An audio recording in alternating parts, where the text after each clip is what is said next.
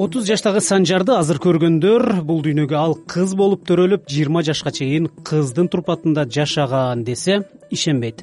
Сакал мурутчан эркектик харизмасы күчтүү жигит. Спорт менен такай машыгып келатат. Сначала мен өзүм деген трансгендер кишилерди жаман көрүп күлүп аларга жаман сөздөрдү айтып жүргөм өзүм. Өзүм ошону деген внутренняя трансфобия деп коет экен да. Мындай ичинде өзүң ичиңде ичиңде ошентип сезесиң да өзүң өзүңдү бирок сыртка чыгарганда ошондой күлүп мазактап неметет экенсиң ичиң менен сыртың башка. Ооба ооба бүгүн менин маектештерим санжар жана апасы гүлмира эже. Биз санжардын аялдан эркекке айланышы ага коомдун мамилеси жана эненин бул жагдайды кандай кабыл алып кандай сезимдер менен жашап жатканы жөнүндө сөз кылабыз. Санжар сен эркекке айланганга чейин кадимки эле аял киши болуп жашагансың аял кишинин ысымы менен жүргөнсүң да. Операциядан кийин атыңды да өзгөрттүң. Менин атым да санжар бирок мага кичине кезимде бул ысым такыр жакчу эмес да. А сен эмнеге санжар дегенди тандадың? Менин мурунку атым э, стен башталган да. Са деген. Анын э, мен вообще то дагы тиги аниматор болуп иштеп келгем да египеткечи. Анан ошол жактан да башка бир никнейм коюп койгон да. Тиги туристтерге жеңил болсун депчи. Ал болсо сани деп койгом сан үч буква болуп калды да. Анан э, жумуштагы коллегаларым э, коллегаларыма айтканда мен мындай мен э, трансгендерный эркек болдум деп ачык айткандан кийин анан кандай атты атты каалайсың деп э, сурашты да менден анан мен билбейм ошо ошону ошол боюнча азыр ойлонуп атам деп айтсам анда сен сани болсоң анда санчо болбойсуңбу санчо анан санжар болбойсуңбу деп. Анан ошентип э, анан санжар болуп калгам бирок мамам мамам болсо э, эмнеге санжар саид болбойсуңбу деп айткан? Азыр көнүп калдыңыз. Көндүм санжар. Бирок санжар деле жаман эмес мага жакты. Гүлмира эже санжар быйыл эки миң он тогузунчу жылы толук отузга чыкты. Мурда кызыңыз болсо азыр кадимки уулуңуз. Санжардын бул өзгөрүүсүн кандай кабыл алдыңыз эле? Оор болгон эмеспи? Деги баары кандайча башталган? Мурда мектепте окуп жүргөндө эле мындай жанагы он төрт он беш он үч жашында кыялы башкача болуп атты да өзүнчө эле бир күнү көңүлдөнүп тим эле эми кыз болгондон кийин эне деген үйрөтөт да үйдү тазалаш керек тамак жасаш керек баарына үйрөтөсүң да. Анткени үйдү биякта муну кыл тигини кыл десем көңүлү ачылганда баарын бир саматта жасап тим эле таптаза кылып баарын жасап салат көңүлү келбесе жатып алат же кыялын көргөзөт же болбо булкулдап кел тамак ичип койчу тамак ич келчи деп алдап тамак ичирем. Ошентип кыялын көргөзө берчү да түшүнчүбөзмүн өзү может коет болуш керек кыялын деп эле жүрчүмүн мектепти бүттү урушуп койчумун. Анан бирок эчтеке сезип эчтеке билчү эмесмин өзү деле көрсө түшүнчүбөс экен да эмне болуп атканын бир ошондой бир момент болуп калгандай өзү настроениясы жок болуп эле кабагы ачылбай калган күндөр болчу да. Мектепти бүттү биринчи курс окуп окууга кирдик. Академия туризмага анан э, экинчи курстан баштап бир кыздын апасы чалып мага минтип айтты. Сиз менен сүйлөшсөм болобу деди.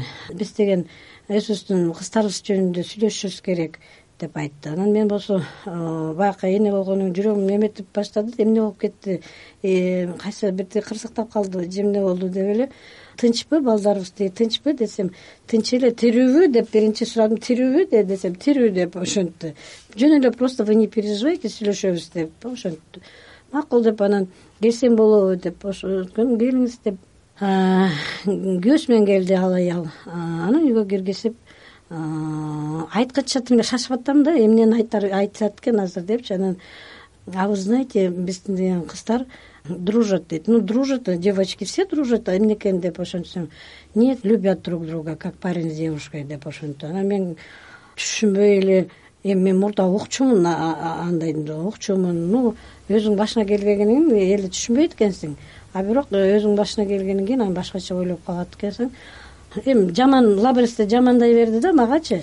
Лабрис бул кыргызстандагы лгбт коомчулугунун башкача айтканда сексуалдык азчылык өкүлдөрүнүн укугун коргоп жүргөн уюм. Э, демек санжар ошол кезде ошол уюмга барып жүргөн. Бул э, каяка менин балам каяка кирип кетти? Түшүнбөй калдым. Кантип мен аны чыгарышым керек аяктан деп эле ошондой ойлор келди да магачы. Анан кийин мен аялды эми жөнөттүк үйүнө кетти. Дароо эле биз папасы экөөбүз сүйлөштүк дагы жүр тиги бишкекке баралы өзүбүз болсо биз кемин орловка деген айылда жашайбыз. Баралы дедим. Анан машинеге отурдук да бишкекке келип жашаган квартирасына келдик. Анан э, сен тиги келе кал срочно жумушуңан телефонду да алды биз баратабыз үйгө келе кал дедим. Жумушун келе турган маал болуп калды жумуштан. А келгичи эле мен тиги комно жаткан бөлмөсүнүн баарын аңтарып чыктым. Эмесинчи карасам мындай распечатка энемелер көп экен. Лгбт жөнүндөчү. Анан окуп баарын көрүп алып түшүнүп түшүнбөй. Бул эмнеге бул кандайча деп эле сразу келгенде эле бул эмне бул эмне распечаткалар муну кандай түшүнсөм болот десем деп папасы экөөбүз айтсак да мен деген силерге айта албай аткам мен деген бир кызды жакшы көрөм у нас ушинтип любовь деп ошентип анан кийин баягы эле ойлойт экенсиң коет го бир жиндиленип анан эметип басылат го временный ошондой эме экен деп дагы жүрдүм канча эки жыл жүрдүм үч жыл жүрдүм ошентип. Ал сөз жөнүндө теманы вообще эметчүбүз да козгочу эмеспиз козгосом эле нервничать анан кийин если не хотите не принимайте мени деген ошондоймун мен деген биринчи мен лесбиянкамын деп ошентип анан мен «Э, коет болуш керек деп дагы эле жүрдүм ошо үч жыл. Кийин бир күнү сарык оорусу менен ооруп калды больницага жатып калды. Анан больницага барып баягы тамак алып келип эметип жүрдүм. Анан ошондо мага мынтип айтты мам мен деген «Э, өзүмдү эркек сезип атам деп ошентти. Мен болсо кандайча эркек сезип атасың баягы кайра баштадыңбы өзүң эмеңди? Айтпачы мен вообще уккум келбейт деп урушуп койдум. Ну анда укпасаңар анда мен вообще келбей коем үйгө и мен баары бир мен деген операция жасайм мен э, эркекче жүрөм деп ошентти кантип айтам эми папасына кантип айтам. Макул биринчиси го макул коет го эметет го деп жүрдүк. Анан муну кантип айтам эми деп баягы оюңа ойлойт экенсиң эл эмне дейт туугандар эмне дейт кантип угузабыз? Андан дагы үйдө семьяма кантип угузам? Бир тууганы бар уулу мындан. Папасына кантип угузам деп өзүмчө ойлонуп бул эмнеге мындай болду? Мен ким кимден кетти? Менден кеттиби мен туура эмес тарбияладымбы деп эле ошондой ойлор келди кетип баштады. Же баягы боюмда жүргөндө башкача бирдеме болдубу деп эле эми ар кандай ойлор келе берет экен бирок өзүңдү күнөөлөйт экенсиң да. В основном өзүңдү күнөөлөйсүң э, эмнени туура эмес кылдым деп. Демек аябай стресс болдуңуз э, баламды мындан куткарам деп аракет да көрсөңүз керек эне катары? Коркуп ошентип жүрүп муну баягы көз ачыктарга эле алып барам тимира алып барбаган жерим калган жок да. Анан кийин өзү эле айта берди. Алып барбагылачы мени токтоткулачы мен андан көрө жүргүлө тиги жанагындай психотерапевттер бар ошондой немелер бар ошолорго баралы дегенинен ишенбей койдум. Папасына айттым кызыбыз ошентип эркек сезип атам ичим ошондой болуп атам деп анан анын арасында үйгө келе берди уже эркек кийим кийип туфли немелерди кийип баштаганынан кийимин да карасаң деп ошентсем бирок папасы болсо наоборот мен коркуп атсам ал болсо мага а болсо боло берсин деди.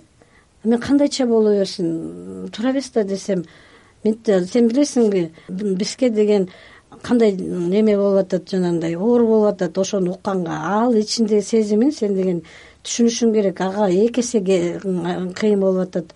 Баланы түшүнүш керек деп ошентиптү мен деген андай фильм кинолорду немелерди көргөм түшүнөм деп ошентти анан эмне кылабыз? Бир тууганына кантип айтам байкесине байкеси укканда эле үйгө алып келип жаап салыш керек ключ менен бекитип салыш керек деп ал кыйкырып баштады. А сен үйгө алып келип бекитип салганда ким кайтарат? Биз деген иште жумуштабыз чыгабыз кетебиз. А бирдене суицид болуп бирдеме болуп кетсе анан эмне болот? Еще хуже кылып алабыз баламды түшүнүп баштадым. Анткени ал деген аябай ичинен ошондой кайгырып кантип айтам кантип мен атама айтам деп эле кыйналып жүрүптүр да. Ошондо э, балаңыз сиздерге өзү жөнүндө канча жашында айткан? Он тогуз жашында болчу. Он тогуз жашында өзү жөнүндө айткан болсо ортодо үч жыл бул теманы козгобой анан кайра ачык э, сүйлөшүүлөр башталганга чейин бир топ убакыт өтүп санжар жыйырма эки жыйырма үч жашка келип калганда э, маселеңер жумшарып атпайбы э. Мен ошол жылдардагы өзүңүздүн эмоционалдык абалыңыз жөнүндө стрессти кантип жеңип чыкканыңыз жөнүндө билгим келип турат? Ыйладым мен түнү менен уктабай аябай ыйлап ыйлап чыккан күндөрүм болчу да. Мен такыр уктабай калгам да. Э, жолдошуңуз башынан эле туура кабыл алган экен. Э, бир эки жыл мурун дүйнөдөн өтүп кетиптир арты кайрылуу болсун. Улуу балаңыз деле туура түшүнө баштадыбы анан жакшы да жакшы. Үй бүлө айла жоктон кабыл алдыңарбы же силер ошол теманы үйрөндүңөр жок. окудуңарбы мен деген мен деген э, андай интернетим да жок болчу. Каяктан информацияларын билбейм. Ошо көз жашымды төгүп эле кимден сурарым кимге айтарымды билбейм да. Анан ошол папасына айттым. Папасы жанагынтип принимать эткенден кийин макул айла жоктон элес. Баланын э, ички эмесин түшүнүп эме кылдык ошон үчүн мен өзүм бир күнү эл эмне десе ошо десин мен деген бул менин балам дедим дагы.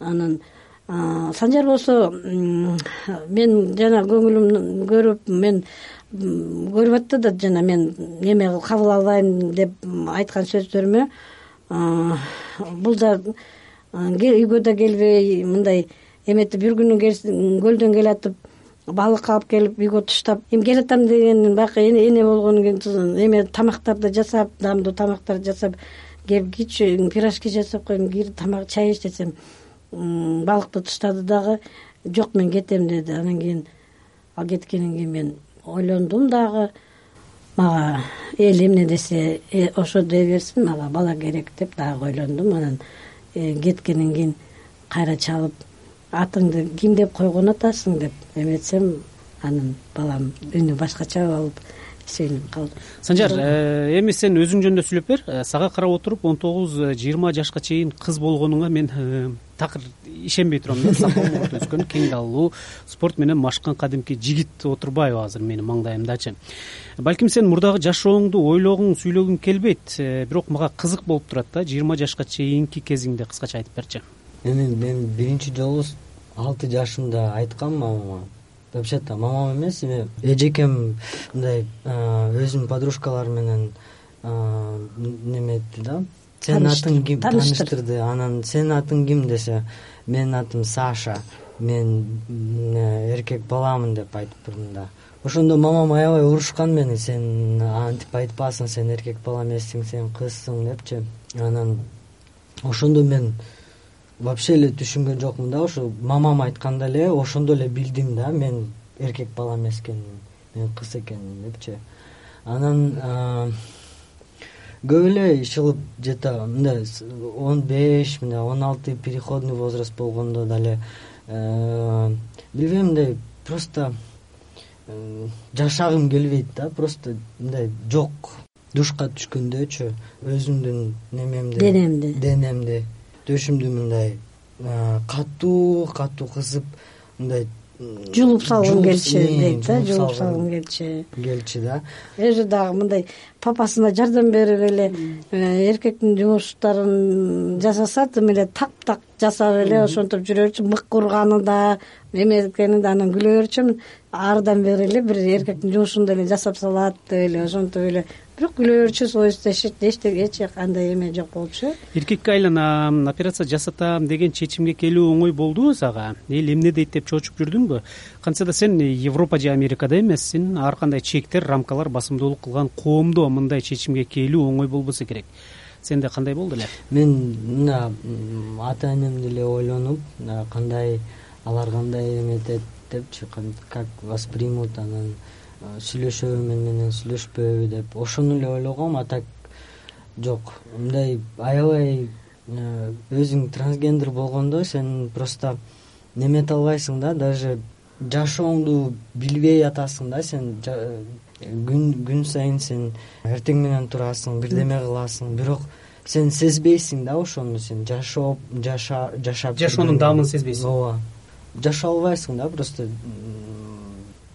суроом э, балким этикага туура келбейт алдын ала кечирим сурайм бирок сенде ошондо жанымды кыйып салам деген бир ойлор болду беле суицид? Ооба болгон көп жолу болгон. Сен э, эркекке айланууну качан баштадың? Тагыраак качан операция жасаттың? Э, эки миң он төрт беле эки миң он төрт. Он төрт. Май. Операцияны каякта жасадың кыргызстанда бишкекте. Бишкекте эле демек бишкекте жасалат операция операция жасаткандар көп элеби сенин мындай өзүңдүн бир маалыматтарың барбы бизде мына мисалы трансгендерный эркектерге төш алганы бар да мындай. Ну только төшүн алганда только төшүн бирок ал да неме да мындай идеальный эмес до сих пор. Ну самое главное бирок мен деле аябай сыймыктанам то что төшүм жок демек кыргызстанда бар э, ооба. сен деле жалгыз эмессиң башкалар бар. Ооба бар бар бар. Бирок например неме боюнча операция жок да? Генитальный операция. Бирок лгбт коомчулугуна деги эле бул түшүнүккө кыргызстандын коомунда мамиле бир кылка эмес да бир жылдары ага каршы мыйзам долбоору деле даярдалбады беле сен операция жасап эркекке айланганың менен чөйрөдөгү мамиледен улам дагы эле стресске кабылып турсаң керек. Вообще эки миң он төртүнчү жылдан башталды да мындай законопроект анан нетрадиционный сексуальный отношения деп анан эмеде да смида да көп информация мындай некорректный информация көп. Бир тараптуураак э? Сексуалдык э, азчылык өкүлдөрүнө каршы агрессиялык маанай бар. Э, коркунучтуу кишилер катары сыпаттагандар деле толтура э, лгбт коомун. Гүлмира эже мындай мамиле сизди капакылабы баары ошондой болуп кала тургандай сезет элчи.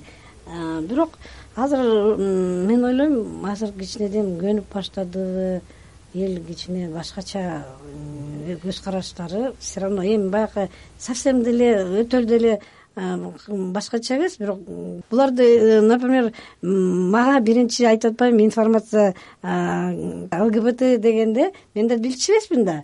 Мен баягы ойлогом да и бир өзүнчө бир секта экен депчи и балдарды ошол сектага киргизип алып анан баштарын айлантып бирдеме кылып ошондой кылат экен деп. Жок мен лгбтдан кечирим сураган күндөрүм бар болгон да анткени биз деген азыр эн аталар аябай көп эн аталар бар. Бизде ошондой группа бар эн аталар. Мен деген ошо балдардан лгбт балдардан кечирим сурагам лабристен кечирим сурагам. Анткени мен деген башында туура эмес түшүнчүкөм алар бизде кадимкүдөй эле кишилер. Алар деле эмнеге аларды эметиш керек. Например жерип кемтишип дагы жаман сөздөрдү алар жөнүндө айтыш керек. Жок андай айтпаш керек. Трансгендер кыздар аялдар алар таксисттерден же жөн эле эшикте бараткандар баратса эле башка кишилер неметип салат да издевательство кылып мазактайт маскаралайт. Маскаралайт жаман сөздөрдү айтышып сен эркексиң эмне парик кийип алгансың эмне юбка кийип алгансың деп. Анан жөн эле мындай эшикте башка киши баратса башка кишини эчтеке кылбайт да правильно? Мындай эле өтүп кетет. Эмнеге именно мындай трансгендер кишилерди не понимаю да мындай доведение до самоубийства дегендер бар. Суицид эмнеге болот? Потому что мындай э, э, ата энелер не понимают. Анан э, общество деген эметип турат да постоянно сен кыз эмесиң сен эркексиң деп. Дарыгерге көрүнгөндө санжар сенде проблема болбойбу? Гинекология урология деген тармактар бар. Врачтарга мен мисалы дружественныйлерге барам да уже тренингдерди өткөндөргө уже кичине мен жөнүндө билген билген врачтарга барам. А так башка башка врач баргың келбейт башка баргым деле келбейт. Баргым келсе мен биринчи өзүм активистмин да мен биринчи ачык эле айтам ким мен анан кичине информация берип коем трансгендер кишилер ким экен деп. Анан деген неме өзүмдүн проблемамды айтам да. Случайлар деле болчу например мындай мисалы урологторчу алар көбүнчөсү эркектер да. Анан допустим транс аялдар транс кыздар ошо урологторго барышат да. Барышса анан сразу эле бир случай болду да например бир уролог айтты менин кабинетимден чыгып кет депчи сени карабайм деп айтты. Азыр турпатың эркек документ жагы кандай? Документте кимсиң? Документ деле өзгөртмисалы кыргызстанда өзгөртсө болот да демек документ? Болот. Документ боюнча мен айтып берем азыр. Документтин неме хирургический вмешательство болгондон кийин справка алышты. Андан кийин ошол справка ну на основании ошол справки анан загске барып э, свидетельство о рождениясын которот мен өзүбүздүн кемин районунда бизде загста иштеген эже бар. Барсам киши көп экен очередь. Анан э, эшиги ачык. Менин артымда да кишилер көп. Анан мен кантип айтам? Деп анан акырын кирдим да кир кире кой деп неметти эже. Анан эже мен ооз эки айтпай эле с документти сразу колуна берип эже меники моундай проблема болуп атат. Билбейм может район боюнча биз биринчи болушубуз керек деп эметсем окуп баарын окуду дагы. Жок силер биринчибиз райондо уже бар андай случайлар. И кыргызстан боюнча андай случайлар бар. Мен түшүндүм что загстар э, информированный да загстар. Демек санжар биринчи эмес? Биринчи эмес экен биздин райондо биринчи эмес экен да. Таштап кеттим документтерди анан он күндөн кийин кел деди он күндөн кийин барсам уже свидетельство о рождениясын санжар деп которуп берди. Паспортный столго бардым паспортный столдон дагы аяктан да эмне сөз угам деп баягы угасың да эл түшүнбөйт анткени бирок э, бир байке бар дайыма ошого кайрылам мен паспорт боюнча. Начальникине кирген жокмун. Анан мага монтип паспортду которуш керек деп свидетельствону котордук эми бул справка документтин баарын кайра көргөздүм эми паспорт кылыш керек десем ал киши дагы эчтеке деген жок карап макул деп паспорт алдык. Болду эч ким эч кандай мага биздин кемин районунда мага ошол жакта да башка жактан угуп атам күлөт экен анан эме сөздөрдү айтат экен биздин кемин районунда э, паспортный столдон загстан дагы андай эч ким эч кандай сөз сүйлөгөн жок эми мен туугандарга угуштурушум керек да ал да бир эме болду да мага переживание анткени көзүм мындай көзүмө сурап айта алышпайт анан шушу деп эле өздөрүнчө эле бирдемелерди сүйлөйт. Бир күнү папабыздын туулган күнү болчу. Туугандарды чакырып анан айттым ачык эле моундай биз деген эми мурунку атын айтпай анткени алар деген өздөрү да билчү эмес да кандай обращаться этерин билбей эле эми паспорт алдык документ которулду макул болуп эми санжар санжарга көнүп калышты санжар деп айтышат азыр эч кандай эмне жок жок андай жок айылдын ичинде э, бири бири менен айтып эле мындай сушужу деп эле сүйлөйт бирок көзүмө бетиме сурай албады. А сураганда мен санжарга айтчумун сураганда мен эмне деп айтаарымды билбей калып атам кээ бирде баарын тиме минтип түшүндүрүп баарын айта албайсың да десем санжар мынтти мага ошентип сураганда да а что? деп сура кайра өздөрүнө мындай суроо берсең алар сенен сурабай калат деп ошентип анан ошентип сурасам чын эле коркуп баштады менин сурагандан коркуп баштады. Башка эн аталарга айткым келет балдарын жана кабыл албаган эн аталар бар да ошол эн аталар балдарын кабыл алып түшүнүп көп балдар мисалы үчүн үйүнө бара албай э, үйлөрүнө кууп жүрген же болбосо мындан көрө сен өлүп калсаң болмок деген эн аталар бар. Антип айтпай балдарын кабыл алып түшүнүп балдарга эмне керек? Үйлөө керек да үйлөө семья. Семья түшүнсө башка эчтеке кереги жок экен бул биздин балдаргачы главное семья өз үйдөгү үйлөөң семьяң түшүнсө ошол экен да. Балдар лгбт балдарды туура түшүнүп эн аталар кабыл алсын. Балдар деген үйдө жашаш керек. Анан дагы мындай неме бар го? Мода деп коет экен го что эме э, гей же трансгендерлер деген мындай чет мамлекеттен келген анан дагы мода болуп калган депчи анан мен айткым келет что бул деген если бы это была мода мен деген никогда бы не выбрал бы эту моду да. Сколько насилия происходит да. Канча мындай сложности документ не документтер менен происходит в жизни. Ошону деген мода дебеш керек вообще потому что кишилер деген аны не выбирают да. Анан еще айтып коет да неме бул кишилерди кудай не создавал депчи.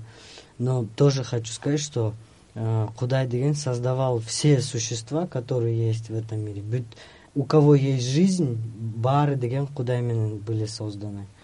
Санжар э, маалымат каражаттарында бул теманы жазганда калпсыздык кетирип коет деп э, журналисттерге бир аз нааразы болгонуңду билем да.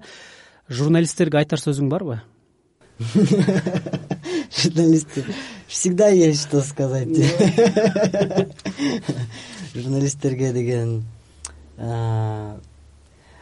но журналисты должны помнить что э, слово может убить да потому что жазган сөздөр алар деген жакшылап ошону ойлонуп жазыш керек да. Потому что алар мындай ойлобой эле жазышат же өздөрү аябай мындай предвзятое мнение да? Сами если чувствуют ненависть ошону деген бүт элдерге да жазышат. А булар деген бул важная профессия ошону деген түшүнбөй атышат да что аларды сто человек пятьсот человек читают слушают. Ошону деген да они должны понимать что они создают общественное мнение но также они распоряжаются вот жизнями людей. Это влияет на наши жизни. Рахмат сиздерге. Биз бүгүн э, кыздан эркекке айланып азыр кадимкидей жигит катары жашап аткан санжар жана анын апасы гүлмира эже менен маектештик. Менин аты жөнүм санжар эралиев уккандарга ыраазычылык